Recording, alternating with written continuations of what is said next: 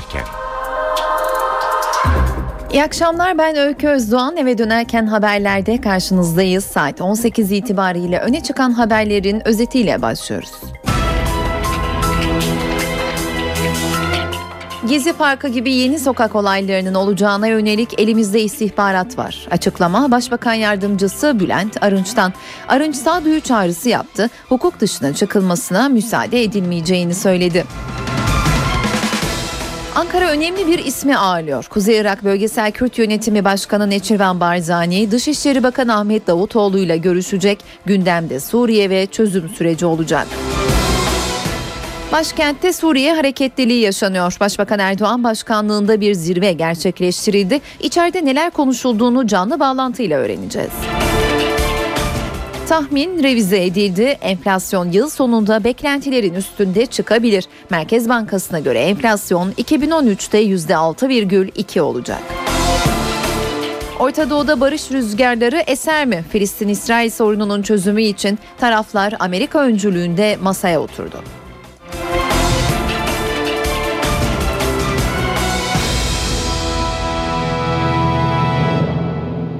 Kabinenin önemli isimlerinden Başbakan Yardımcısı Bülent Arınç, Gezi Parkı eylemleriyle ilgili ellerindeki çok çarpıcı bir istihbaratı kamuoyuyla paylaştı.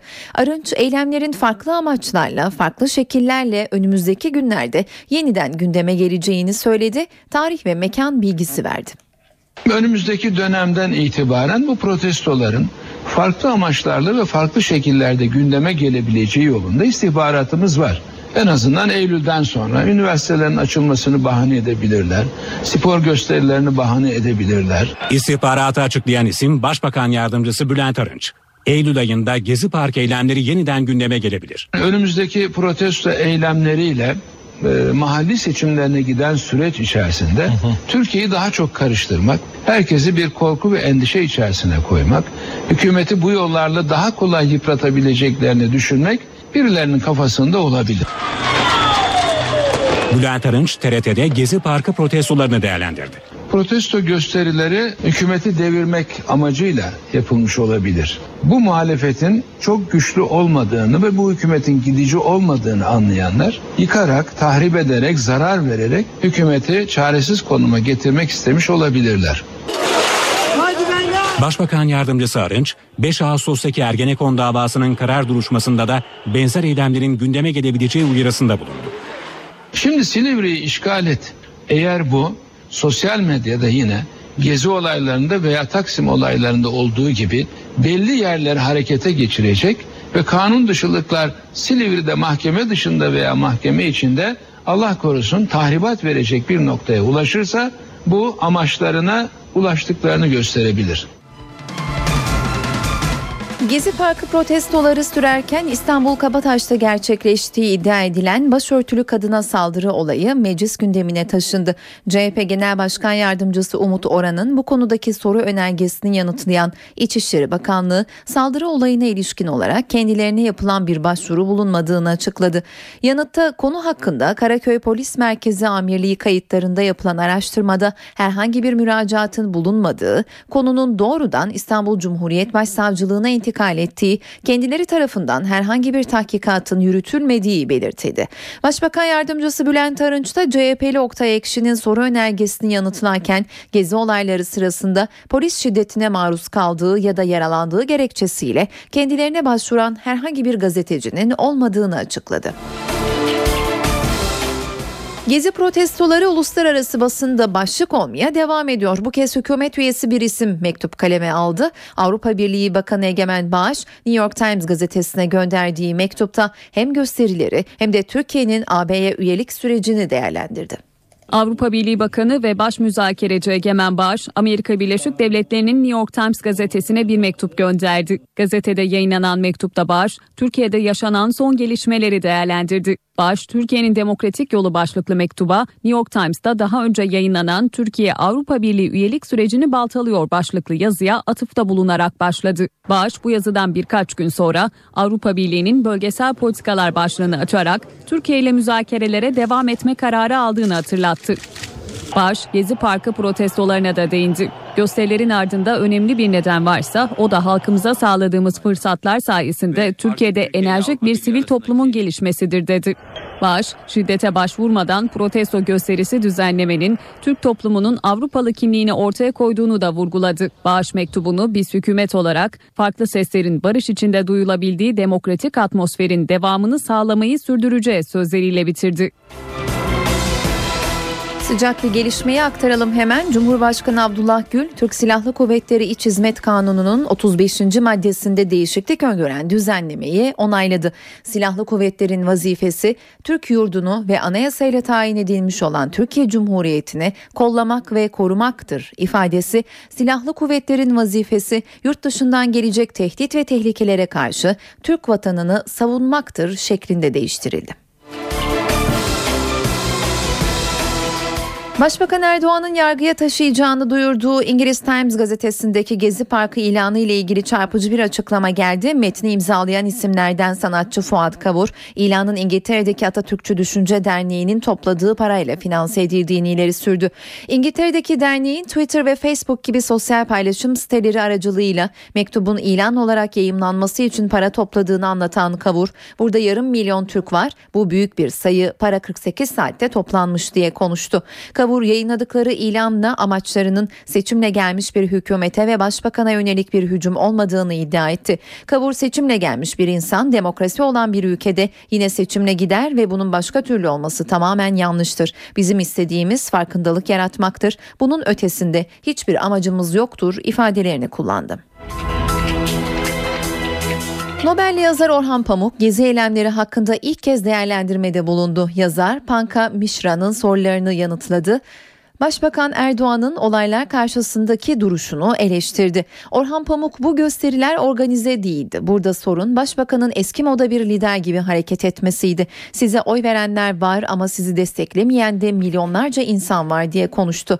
Pamuk bir ülke fazla zengin ve karmaşık hale gelirse o ülkenin lideri kendisini güçlü hissedebilir. Ancak aynı zamanda bireyler de güçlü hisseder. Parklara gidip hayır derler ifadelerini kullandı.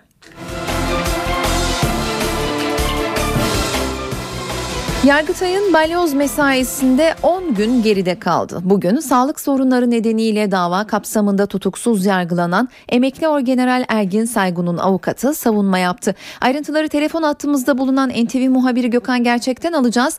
Gökhan Saygun'un avukatı savunmasında hangi noktalara dikkat çekti? Neler söyledi? Neredeyse tüm avukatların aynı vurgu üzerinde durduğunu söyleyebiliriz. Yerel mahkemedeki usul eksikliklerinden bahsediyorlar. Savunma hakkının kısıtlanması ve delillerin sahte olduğu iddiaları temelinde yürüyen bir savunma. E, bugüne kadar yaklaşık 10 gün içerisinde 52 avukat 199 sanık adına savunma yaptı. 361 sanıklı bir dava. Bu nedenle e, yaklaşık 160'ın üzerinde sanık daha savunma yapacak. Sanık adına avukatları savunma yapacak diyelim. Bir hafta 10 gün içerisinde e, savunmaların bitmesi ve dosya incelenmek üzere tetkike alınacak alınmasını bekliyoruz. Bugünkü duruşmada yürütülen soruşturmanın şekline ilişkin mantık vurguları, mantık hataları da mahkemeyi etkilemek için kullanıldı. O, o isimlerden e, bu yöntemi kullanan isimlerden bir tanesi avukat Şule Nazlıoğlu yer oldu. E, şöyle dedi madem e, darbeciydiler bu plan içinde yer aldılar. Neden Başbakan Erdoğan'ın Yüksek Askeri Şura Başkanı olduğu dönemde yani atamaların başında olduğu dönemde darbeci olarak adlandırılan Özden Örnek İbrahim Fırtına Kuvvet Komutanlığı'na getirildi değerlendirmesinde bulundu. Önemli bir isim Ergin Saygun. Dönemin Genelkurmay ikinci başkanı Ergin Saygun'un avukatı Sedat Ergin Sedat Küçük Yılmaz da bugün savunma yapan isimler arasındaydı. E, davayı Ergenekon davasına benzetti. İkisi de kurmaca dedi. E, o davada e, tek fark kim oldukları belli olmayan gizli tanıklar üzerinden süreç yürütüldü. Bu davada ise kim tarafından üretildiği belli olmayan sahte dijital CD'ler, veriler üzerinden insanlar suçlanıyor değerlendirmesi bulundu. E, Ergin Saygın'ın hiçbir suçu yok. Sadece bir listede adı geçiyor. Bu nedenle 18 yıl hapis cezası isteniyor dedi. Derhal tahliyesini talep etti. Kararın hakkındaki 18 yıllık hapis cezası kararının usulden ve esasen bozulmasını ta- talep etti. Küçük Yılmaz. Evet başta da belirttiğimiz gibi 52 avukatın savunması tamamlandı. Yarın 53. avukatta savunmalara devam edilecek. Teşekkürler Gökhan. NTV muhabiri Teşekkürler. NTV muhabiri Gökhan Gerçekten balyoz davasında emekli orgeneral Ergin Saygun'un avukatının yaptığı savunma ile ilgili ayrıntıları dinledik. NTV Radyo Yine canlı bir bağlantıyla devam edelim. Adres Ankara. Irak Bölgesel Kürt Yönetimi Başbakanı Neçirvan Barzani hükümet yetkilileriyle görüşmek için başkente geldi. Barzani önümüzdeki dakikalarda Dışişleri Bakanı Ahmet Davutoğlu ile bir araya gelecek. Kürt liderin Ankara temaslarını NTV muhabiri Özden Erkuş'tan öğreneceğiz. Özden önce Salih Müslim şimdi Barzani bu trafiği nasıl yorumlamak gerekiyor? Aslında Türk yetkililer bunun musat bir görüşme olduğunu birkaç ay önce de Neçirvan Barzani'nin Ankara'ya geldiğini ve temaslarda bulunduğunu söylediler. Ana gündem maddelerinin Irak ve Irak'taki gelişmelerle ikili ilişkiler olduğu belirtildi. Ama hem Suriye sınırında El Nusra PYD gerginliği hem de PYD lideri Salih Müslim'in ziyaretinin hem arkasından bu ziyaretin gerçekleşmesi görüşmelerin ana gündemine ilişkin ipucu da veriyor. Türkiye PYD liderine hatırlanacağı üzere Esad rejimine destek vererek bu zulmün parçası olmayın. Herhangi bir emrivaki bir defakto durum yaratmayın ve Türkiye'nin güvenliğini tehdit edecek faaliyette bulunmayın mesajını vermişti. Benzer konu başlıklarının Barzani'nin Ankara temaslarında da ele alınmasını bekliyoruz. Kuzey Irak Bölgesel Kürt Yönetiminden PYD'ye bu yönde telkinlerde bulunmasını isteyecek Türkiye bu temaslarda.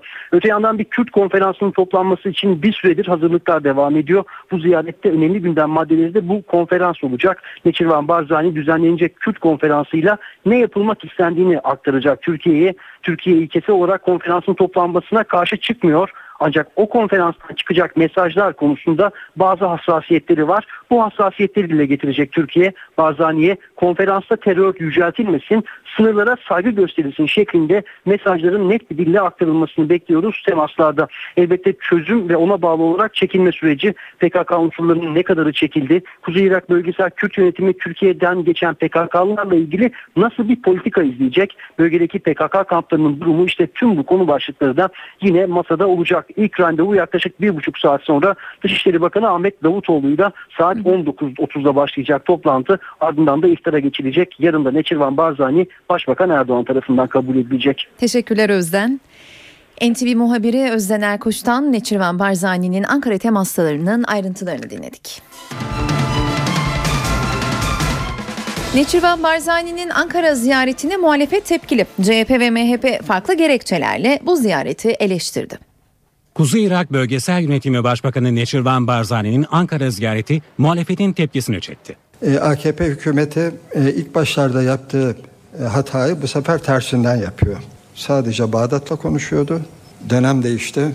Şimdi tam tersini yapıyorlar. Sadece bölgesel Kürt yönetimiyle konuşuyorlar ve Bağdat merkezi hükümetini dişliyorlar. Biz dedik bu ikisi de yanlış. Barzani Bağdat'a gidiyor. AKP siyasi iktidarı Bağdat'a gitmiyor veya gidemiyor. Bu çok e, herhalde düşünmemiz gereken bir nokta. Ceylanpınar'daki insanlar kimin kurşunlarıyla öldü? PKK ve PYD'nin hakim olduğu yerden gelmedi mi bunlar? Yargıtay Genelkurmay Başkanı Orgeneral Necdet Özel'e bizim nazarımızda onbaşısın diyen BDP eş genel başkanı Selahattin Demirtaş'ın tazminat ödemesine hükmetti. Demirtaş 7 Ocak 2012'de bir etkinlikte Orgeneral Özel'in ana dilde eğitime yönelik sözleri hakkında senin rütben Orgeneral olsa da bizim nazarımızda onbaşısın senin kıymetin o kadardır ifadelerini kullandı. Özel'in avukatı bu ifadelerin kişilik haklarına saldırı niteliği taşıdığı gerekçesiyle manevi tazminat davası açtı. Ankara 17. Asya Hukuk Mahkemesi eleştiri amaçlı düşünce açıklaması dedi ancak Yargıtay temiz edilen kararı oy birliğiyle bozdu.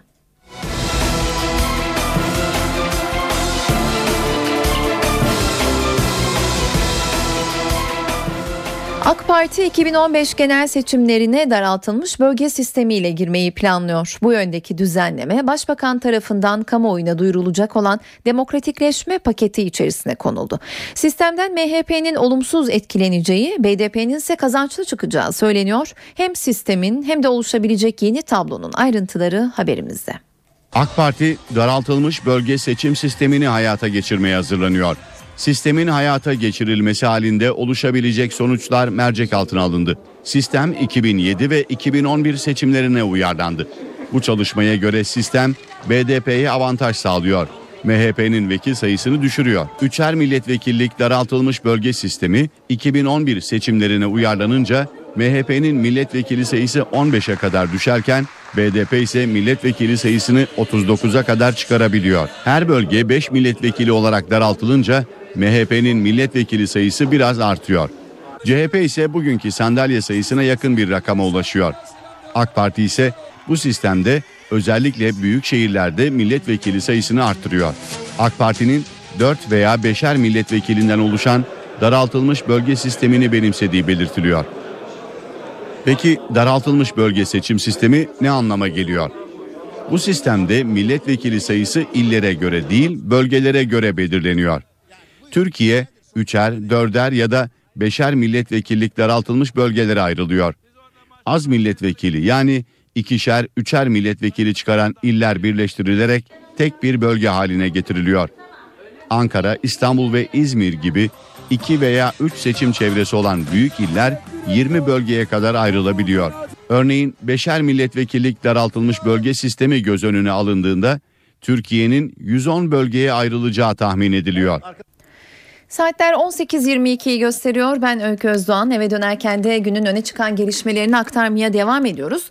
Suriye'de devam etmekte olan iç savaş son dönemde Ankara'nın değişmez gündem maddelerinden biri haline geldi. Bugün Başbakanlıkta yeni bir zirve gerçekleşti. Ayrıntıları NTV muhabiri Ercan Gürses'ten alacağız. Ercan toplantıya kimler katıldı ve Suriye krizi hangi açılardan ele alındı? Öykü toplantıya devletin zirvesi diyebileceğimiz önemli isimler katıldı. Başbakan, Hı. Başbakan Yardımcısı Beşir Atalay, İçişleri Bakanı, Dışişleri Bakanı, Milli Savunma Bakanı, Genelkurmay Başkanı, MİT Müsteşarı ve Başbakanlık Müsteşarı toplantıya katılan isimler. Hı 2 saat 15 dakika sürdü. Toplantıda Suriye konusu geçtiğimiz hafta olduğu gibi yine aynı kadro değerlendirmişti. Yine Başbakanlık konutta değerlendirildi. Birincisi askeri raporlar Genelkurmay Başkanı'nın getirdiği. İkincisi istihbarat raporları. MİT Müsteşarı burada ön plana çıkıyor. Ve tabii ki PYD El-Nusra çatışması sınır boyunda bir özerk yönetim riski ve Türkiye'nin bu konudaki hassasiyeti ne olacak senaryoları değerlendirildi. Askeri müdahaleden tutun da diplomatik baskıya kadar ki o diplomatik baskı konusunda hem PYD lideri geçen hafta Türkiye'ye gelmişti Salih Müslim hı hı. hem de Neçirvan Barzani bugün Türkiye'ye geldi. Bu konu değerlendirildi ayrıntılı olarak. Bir konuda sınırdaki çatışmalar ve Türkiye'nin bu konuda neler yapabileceği özellikle bazı grupların kaçakçılık için sınıra gelmesi ve Türkiye sınırını rahatsız etmesi bunlar konuşuldu öykü. Peki Ercan Başbakan zirvenin ardından konuttan ayrılmadı. Genelkurmay Başkanı Orgeneral Necdet Özer'le bir görüşme gerçekleştirdi. O görüşmenin içeriğinde dinleyelim senden. Öykü o görüşmenin içeriği tamamen Yüksek Askeri Şura'daki atamalar. 40 dakika sürdü. Aslında bu da çok önemli bir konu. Çünkü bu sene farklı bir durum yaşanacak Yüksek Askeri Şura toplantısında. Perşembe günü başlıyor ayın birinde. Deniz kuvvetleri ve hava kuvvetleri atamalarında sorun var. Şöyle sorun var. Deniz Kuvvetleri Komutanı Murat Bilgel şu anda komutanlıktaki tek or amiral. Yani Murat Bilgel dışında başka kimse yok. Ve Murat Bilgel'in görev süresi doluyor. Deniz Kuvvetleri Komutanlığı'na yeni bir ismin atanması lazım iki alternatif var. Birincisi Murat Bilge'nin görev süresi bir yıl uzayacak hı hı. ya da kor amirallerden birisi oramiral yapılacak. Onu Deniz Kuvvetleri Komutanı olarak atayacaklar. Başbakanla Genelkurmay Başkanı bunu konuştu. İkinci konuda hava kuvvetlerindeki atama krizi. Hava kuvvetlerinde 3 generalin istifası söz konusuydu. Onların yerine gelebilecek atama zincirinde bu son saniye istifalarının doğurabileceği sıkıntılar ele alındı. Yüksek Askeri Şura toplantısı Perşembe. Normalde Başbakanla Genelkurmay Başkanı Perşembe görüşüyorlardı. O toplantı nedeniyle iki gün önceye almış oldular öykü. Ercan teşekkürler. NTV muhabiri Ercan Gürses'ten bugün Başbakanlıkta Suriye'deki iç savaşla ilgili yapılan zirvenin ayrıntılarını dinledik.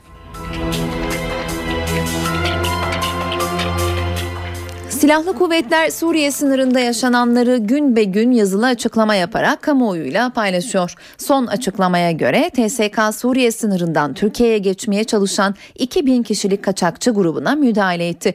Gruba önce Türkçe ve Arapça uyarıda bulunuldu. Uyarılar dikkate alınmayınca havaya ateş açıldı ve gaz bombaları kullanıldı. Yine Suriye sınırındaki bir başka olayda ise 350 kişilik attı bir kaçakçı grubuna zırhlı araçlarla müdahalede bulunuldu. Her iki olayda da herhangi bir zayiat verilmedi. Suriye'nin kuzeyinde faaliyet gösteren PYD'nin önemli isimlerinden Kürt Yüksek Konseyi üyesi İsa Hüso bombalı saldırıda öldürüldü. Hüso sabah saat 6 sıralarında işe gitmek üzere evinden çıktı ve aracına bindi. O sırada patlama oldu. Hüso hayatını kaybetti, çevredekiler yaralandı. Kürt Yüksek Konseyi üyesi aynı zamanda Suriye'deki Kürt grupların temsil edildiği Halk Meclisi'nin divan üyesiydi. BDP ve Demokratik Toplum Kongresi yazılı açıklamayla saldırıyı kınadı. Suriye'de iç savaş sürerken rejim güçleri direnişin sembol kentlerinden Humus'u ele geçirdi. Ancak bir dönem ülkenin en büyük üçüncü kenti olan Humus enkaza döndü. Suriye ordusu muhalifler karşısında ilerlemeye devam ediyor. Son olarak ordu birlikleri bir yıldan uzun süredir muhaliflerin elinde olan Humus'un Halidiye bölgesini geri aldı. Böylece cumartesi günü başlayan harekat birkaç gün içinde sona ermiş oldu. Ancak bir dönem evleri, sokakları, iş merkezleri ve insanlarıyla önemli bir sanayi bölgesinden geriye enkaz yığını kaldı. İslam tarihinde önemli bir yere sahip ünlü komutan Halid bin Velid'in türbesinin bulunduğu cami de çatışmalardan kurtulamadı. Humus, başkent Şam'ı kıyı bölgelere bağlayan stratejik önemde bir kent olarak biliniyor. Dünyanın gündemindeki bir başka başlık Mısır. Mısır'da azledilen Muhammed Mursi günler sonra ilk kez yabancı bir yetkiliyle görüştü.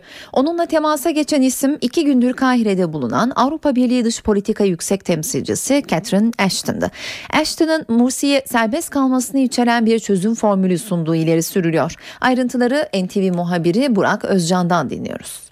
Bir aydan uzun bir süredir Müslüman kardeşlerim ve Muhammed Mursi taraftarlarının eylemleri Kahire'de devam ediyor. Ancak e, bu eylemleri daha görünür hale getirebilmek, biraz da katılımı artırabilmek için dün bir çağrı gelmişti. Darbe karşıtı cephe olarak kendini adlandıran gruptan 1 milyon kişilik bir yürüyüş çağrısı yapmışlardı bugün için.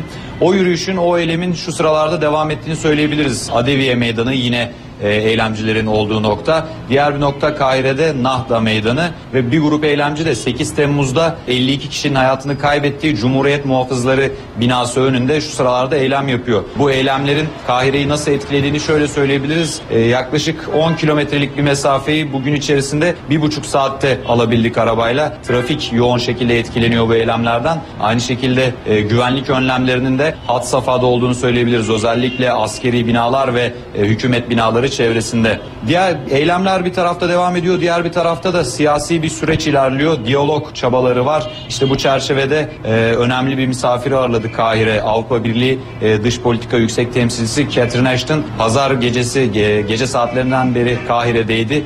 Kimlerle görüştü? Cumhurbaşkanı 3 Temmuz'daki müdahaleden sonra atanan Cumhurbaşkanı Adli Mansur'la görüştü. E, Muhammed El Baradey Cumhurbaşkanı yardımcısıyla görüştü. Abdülfettah El Sisi Genelkurmay Başkanı ki darbenin arkasındaki isim onunla görüştü. Ancak en e, dikkat çekici isim Catherine Ashton'ın görüştüğü 3 Temmuz'daki ordu müdahalesiyle görevden alınan eski Cumhurbaşkanı e, Muhammed Mursi oldu. Muhammed Mursi ile dün gece saatlerinde buluştu ve yaklaşık 2 saatlik bir görüşme oldu. 3 Temmuz'dan beri Muhammed Mursi'nin nerede tutulduğu bilinmiyor. Catherine Ashton da bu konuyla ilgili herhangi bir bilgi vermedi. Bir basın toplantısı yaptı ve basın toplantısında şunları söyledi. Özellikle ailesine şunu söylemek istiyorum. Mu, e, Muhammed Mursi'nin sağlık durumu gayet iyi. Gazetelere ve televizyonlara ulaşabiliyor. Bu sayede ülkede olanlar konusunda sağlıklı bir diyalog içerisine girebildik dedi. Aynı zamanda Mısır basınında yer alan bir haber var. O o haberde de Catherine Ashton'ın Muhammed Mursi'ye bir çözüm formülüyle gittiği söyleniyor. Nasıl bir çözüm formülü? Ülkenin birçok noktasında devam eden eylemleri Müslüman kardeşler ve Muhammed Mursi taraftarları ta- tarafından sürdürülen eylemlerin sonlandırılması karşılığında Muhammed Mursi'nin serbest bırakılacağı aynı şekilde e, 3 Temmuz'dan bu yana gözaltına alınan tutuklanan Müslüman kardeşler liderlerinin de serbest bırakılacağı ve haklarında herhangi bir soruşturma açılmayacağı şeklinde bir çözüm formülünü Catherine Ashton'ın Muhammed Mursi'ye götürdüğü söyleniyor. Ancak Catherine Ashton Muhammed Mursi ile neler konuştuklarına dair herhangi bir açıklama yapmadı.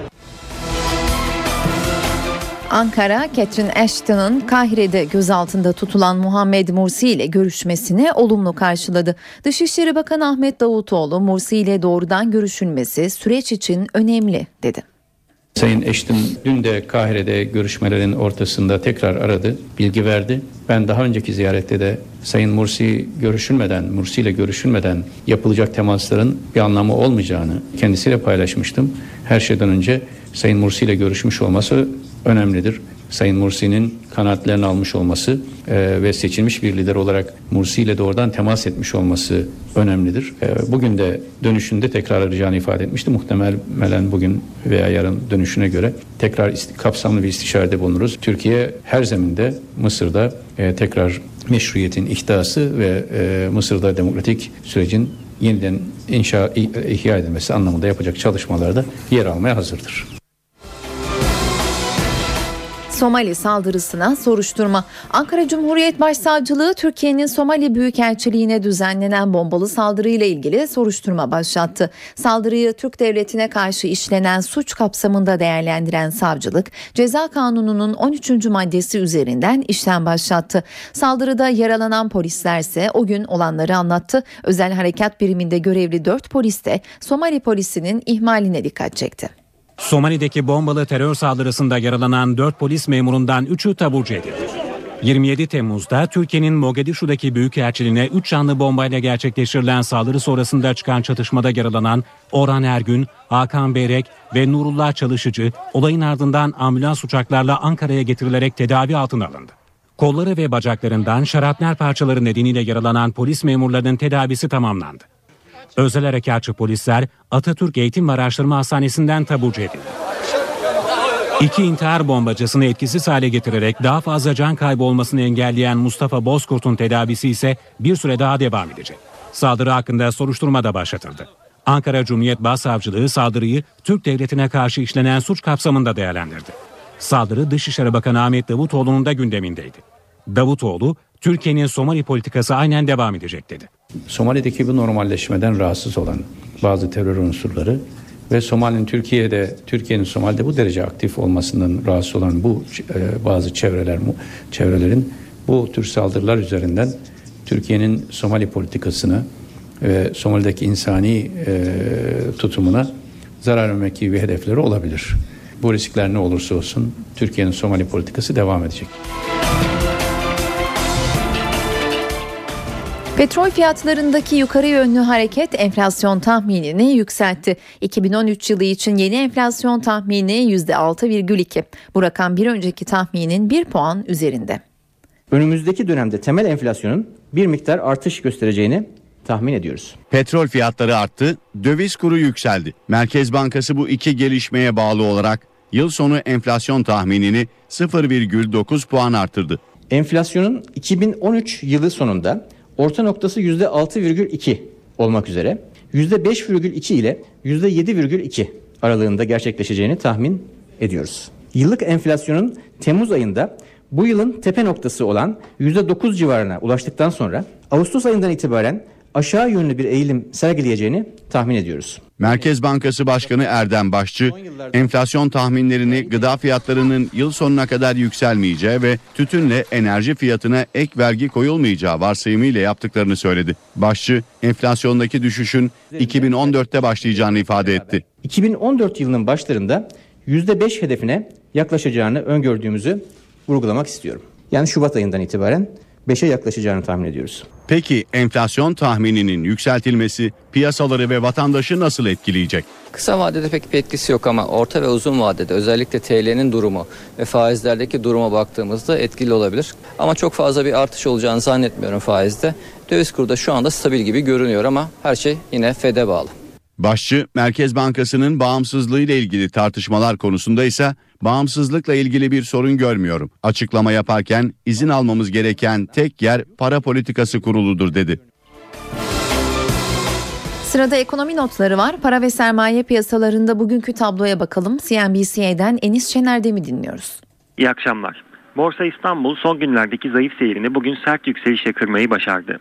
Endeks günü %2.03 primle 74.420 seviyesinden tamamladı ve 75.000 direnç hedefine bir adım daha yaklaşmış oldu. Bugünkü yükselişte yabancı bir kurumun Türk bankalarına dair olumlu bir rapor yayınlaması banka hisselerini destekledi. Ayrıca Merkez Bankası Başkanı Erdem Başçı'nın enflasyon raporu sunumunda temkinli politika duruşuna vurgu yapması da endeksteki yükselişte önemli rol oynadı. TL tarafında ise yatay bant hareketi bugün de devam etti ve dolar TL günü 1.92.50'den tamamladı. Gösterge tahvilin faizinde ise %9 üzerindeki hareket devam etti. Yurt dışında gözler yarın faiz kararını açıklayacak olan ABD Merkez Bankası Fed'in üzerinde olacak. Ardından Perşembe günü Avrupa Merkez Bankası faiz kararı takip edilecek. Bu gelişmeler öncesinde küresel piyasalarda temkinli bir iyimserlik var. Euro dolar tarafında 1.32.50-1.33 aralığında seyir devam ediyor. Spot altın ise 1300 dolara doğru bir miktar geri çekilmiş durumda. NTV Radyo Sivas'ta esrarengiz kaza. Sivas'ın Gürün ilçesinde uçuruma yuvarlanan otomobilde Hakim Yaşar Yılmaz hayatını kaybetti. Otomobilde 25 kilo esrar bulunduğu ileri sürüldü. 34 yaşındaki Hakim Yaşar Yılmaz'ın cesedi dün gece uçurumda bulundu. Olay yerine gelen jandarma ekipleri araçta inceleme yaptı. İddiaya göre araçta yapılan aramada 25 kilo esrar ve bir miktar uyuşturucu hap bulundu. Hakim Yaşar Yılmaz'ın yakınları hakimin araç kullanmayı bilmediğini iddia etti. Kesin ölüm sebebi yapılacak otopsi sonucunda belli olacak. Cezaevinde kolu kopan kişiye verilen tazminat kendi kusuru denerek geri istendi. Burdur cezaevindeki müdahalede kolunu kaybeden eski hükümlünün aldığı tazminat faiziyle birlikte istendi. Danıştay eski hükümlünün cezaevine operasyon nedeni olan isyana aktif olarak katıldığına hükmetti. Burdur cezaevinde 13 yıl önce yapılan operasyonda kolunu kaybeden Veli Saçılığa verilen tazminat geri istendi. Şimdi faiziyle birlikte 300 bin lira ödemek zorunda. Gerekçe kolunu kendi kusuruyla kaybettiği iddiası. O dönemde cezaevinde olan Veli Saçılık müdahale sırasında duvarı yıkmaya çalışan dozer kepçesinin darbesiyle sağ kolunu kaybetti. Açtığı ilk davayı kazandı, 150 bin lira tazminat aldı. Ancak Danıştay Veli Saçılık'ın cezaevindeki isyana aktif olarak katıldığı sırada kolunun koptuğuna karar verdi ve bu kendi kusuru denildi. Verilen tazminatın faiziyle geri ödenmesine karar verildi. Danıştay'ın kararında dozer operatörüyle cezaevindeki bir hükümlünün isyana katılmıştı beyanları etkili oldu. Ayrıca bir itfaiye görevlisi hükümlünün iş makinesine tuğla atmak isterken kepçenin ani hareketiyle kolunu kaybettiğini anlattı. Eski hükümlü Veli Saçılık'ın karar düzeltme talebinde bulunma ve Anayasa Mahkemesi'ne başvurma hakkı var. Karar değişmezse Saçılık büyük bölümünü tedavide kullandığı 150 bin liralık tazminatı 300 bin lira olarak ödemek zorunda. Sağlık Bakanlığı normal doğumu teşvik için her yolu deniyor. Bakanlık geçen hafta normal yöntemle doğum yapan annelere danışmanlık yapacak ebeler görevlendirileceğini duyurmuştu. Şimdi de özel hastanelere teşvik için uzman doktor kadrosu açma garantisi verildi. Eğer hastane sezeryan oranını düşürürse bakanlıktan uzman doktor kadrosu isteyebilecek. Özel Hastaneler Birliği duruma sıcak bakıyor. Ancak normal doğuma teşvikte en büyük sıkıntı doğum esnasında yaşanabilecek komplikasyonlara karşı doktorlara ağır yaptırımlar uygulanıyor olması.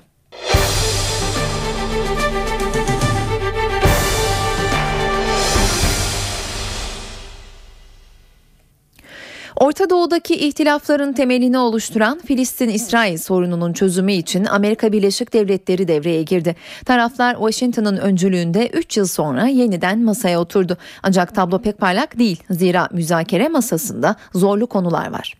İsrail ile Filistin yönetimi arasındaki müzakereler 3 yıl aradan sonra başladı. İlk buluşma iftar sofrasında gerçekleşti. ABD Dışişleri Bakanı John Kerry'nin verdiği iftarda görüşmelerde İsrail'i temsil eden Adalet Bakanı Tzipi Livni ile Filistinli baş müzakereci Sahip Erekat bir araya geldi.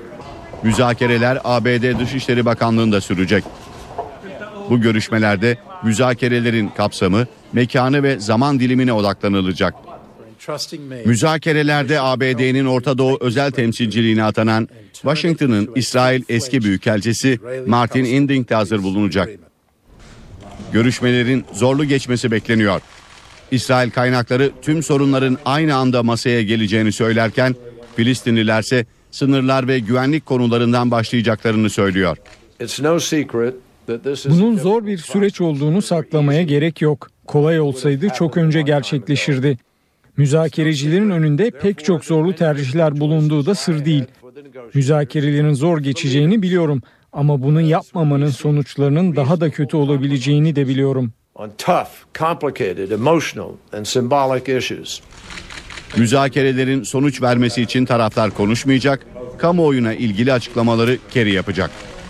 Taraflar 9 ay kadar sürmesi beklenen görüşmelerde sınır, Batı Şeria'daki yerleşim birimlerinin geleceği, Kudüs'ün statüsü ve Filistinli mültecilerin akıbeti gibi konulara çözüm arayacak. Sosyal paylaşım sitesi Twitter şimdi de tehdit içerikli mesajların denetlenmesi konusuyla gündemde. Bu kapsamda İngiltere'de imza kampanyası başlatıldı. Kampanyaya on binlerce kişi destek verdi. Talepse açık. Twitter'daki mesaj alanına kötü niyetli kullanımı bildirme seçeneği konulması. Tartışmayı tetikleyen gazeteci Caroline Perez oldu. Perez banknotlara kraliçenin yerine başka kadınların da fotoğraflarının basılması için kampanya yürüttü. Bu girişimin nedeniyle Twitter'da hedef haline getirildi edildi. Tehdit mesajları almaya başladı. Sadece 12 saatte 50 taciz içerikli tehdit mesajı alan kadın gazetecinin şikayetiyle bir kişi sorgulandı. Twitter kullanıcıları benzer tehditlerden korunmak için yetkililerin harekete geçmesini istiyor. Twitter yetkilileri ise taciz olaylarını ciddiye aldıklarını açıkladı ve kullanıcılardan şikayetçi oldukları hesapları bildirmesini istedi. Açıklama uygulamanın yaygınlaşmasını isteyen İngilizleri memnun etmedi. Twitter kullanıcıları talepleri yerine gelmezse 4 Ağustos günü sosyal paylaşım sitesini boykot edeceklerini ilan etti. Bilim dünyasından bir haber. Alman uzmanlar Alzheimer hastalığının teşhisini kolaylaştıracak yeni bir uygulamada sonuca yaklaştıklarını açıkladı. Yöntemde kan testi baz alınıyor. Yapılan araştırmalarda hastalığı teşhis etmek için kan testinden yararlanıldı. Kandaki küçük genetik materyal parçalardaki farklılıkların hastalığın teşhisinde kullanılabileceği belirtildi. Çalışma 202 hasta üzerinde yapıldı. Sonuçlarda %93'lük bir doğruluk payına ulaşıldı. Günümüzde beyne hasar veren hastalığın teşhisi için herhangi bir test kullanılmıyor. Uzmanlar teşhis için kavrama testlerine ve beyin taramasına başvuruyor. Araştırmada elde edilen sonuçlar kan testinin teşhisi kolaylaştırabilecek bir yöntem olduğunu ortaya koyuyor. Alzheimer, hastalık belirtilerinin ortaya çıkmasından yıllar önce başlayabiliyor. Hastalığın beyni harap etmesini engellemek içinse yıllar öncesinden tedaviye başlanması gerekiyor. Kan testiyle yapılan çalışmanın önemine dikkat çeken uzmanlar daha kesin sonuçlar elde edilebilmesi için daha fazla araştırma yapılması gerektiğini belirtiyor. NTV Radyo Sırada hava durumu var. Son hava tahminlerini NTV Meteoroloji Editörü Gökhan Abur'dan dinliyoruz. İyi akşamlar. Yarın Doğu Karadeniz'de de sıcaklıkların yükselmesiyle tüm yurtta sıcak hava etkisini sürdürecek. Perşembe günü Trakya'dan başlayan sıcaklıklar 4-5 derece azalacak ama uzun süreli değil. Cuma günü yeniden yükselecek. Doğu Karadeniz'de yağış etkisini kaybederken gün içinde Trakya'da artacak bulutlanma yerel sağanaklara sebep olacak. Yağışlar akşam saatlerinde Marmara'nın kuzey kesimlerini etkileyecek ve perşembe sabah saatlerinde aralıklarla devam ederek Batı Karadeniz'e doğru ilerleyecek. Cuma günü Batı Karadeniz'in kıyı kesimleriyle Bolu civarında hafif yağışlar görülebilir. İstanbul yarım parçalı bulutlu sıcaklık 32 derece. Perşembe sabah ise sağanak yağmur geçişleri bekliyoruz. Gece sıcaklığı ise 21 derece olacak. Ankara'da gökyüzü yarın da açık ve sıcaklık gündüz 33, gece ise 16 derece olacak. İzmir'de ise kavurucu sıcaklar devam ediyor. Sıcaklık gündüz 37, gece ise 26 derece olacak. Ancak nem oranı yüksek değil. Akdeniz boyunca düşük nem ve yüksek sıcaklıklar etkisini sürdürürken iç kesimlerde de gündüz sıcaklıkları yükselmesini sürdürecek. Hepinize iyi akşamlar diliyorum. Hoşçakalın. Gücünü nereden alıyorsun? Bu soruya cevabını yazıp gönderenlere İtalya'da sıra dışı bir maceraya katılma şansı doğuyor. Castrol'ün düzenlediği kampanyada gücünü nereden alıyorsun adresi web sitesine kişisel deneyiminizi yazıp 11 Ağustos tarihine kadar göndermeniz gerekiyor. Jürinin seçeceği iki kişiye İtalya'da 3 gün süreyle lüks spor otomobil Lamborghini deneyimini yaşama fırsatı sunulacak. İtalya'nın meşhur Imola pistinde farklı Lamborghini modellerini kullanıp hız limitini zorlayabilirsiniz inceleyebilecek, fabrika ve müzeyi de gezebilecek. Gelelim kültür sanat dünyasından haberlere günün etkinliklerinden bir derleme sunuyoruz. Ramazan'da Caz Festivali'nin bu akşamki konuğu geleneksel Mevlevi Sufi müziğinin ustası ve neyzen Kudsi Erguner. Kendi albümlerine ek olarak Peter Gabriel, Jean-Michel Jarre, Peter Brook gibi dünyaca tanınmış pek çok müzisyenle de albümler yapan Erguner'e perküsyonda Pierre Rigopoulos eşlik edecek. Konserin saat 21'de başladığını belirtelim. Performans mekanı ise Sakıp Sabancı Müzesi. Konser biletleriyle iftar vaktine kadar Sakıp Sabancı Müzesi'nin Oryantalizmin Binbir Yüzü sergisiyle kitap sanatları ve hat koleksiyonunun da gezilebileceğini ekleyelim.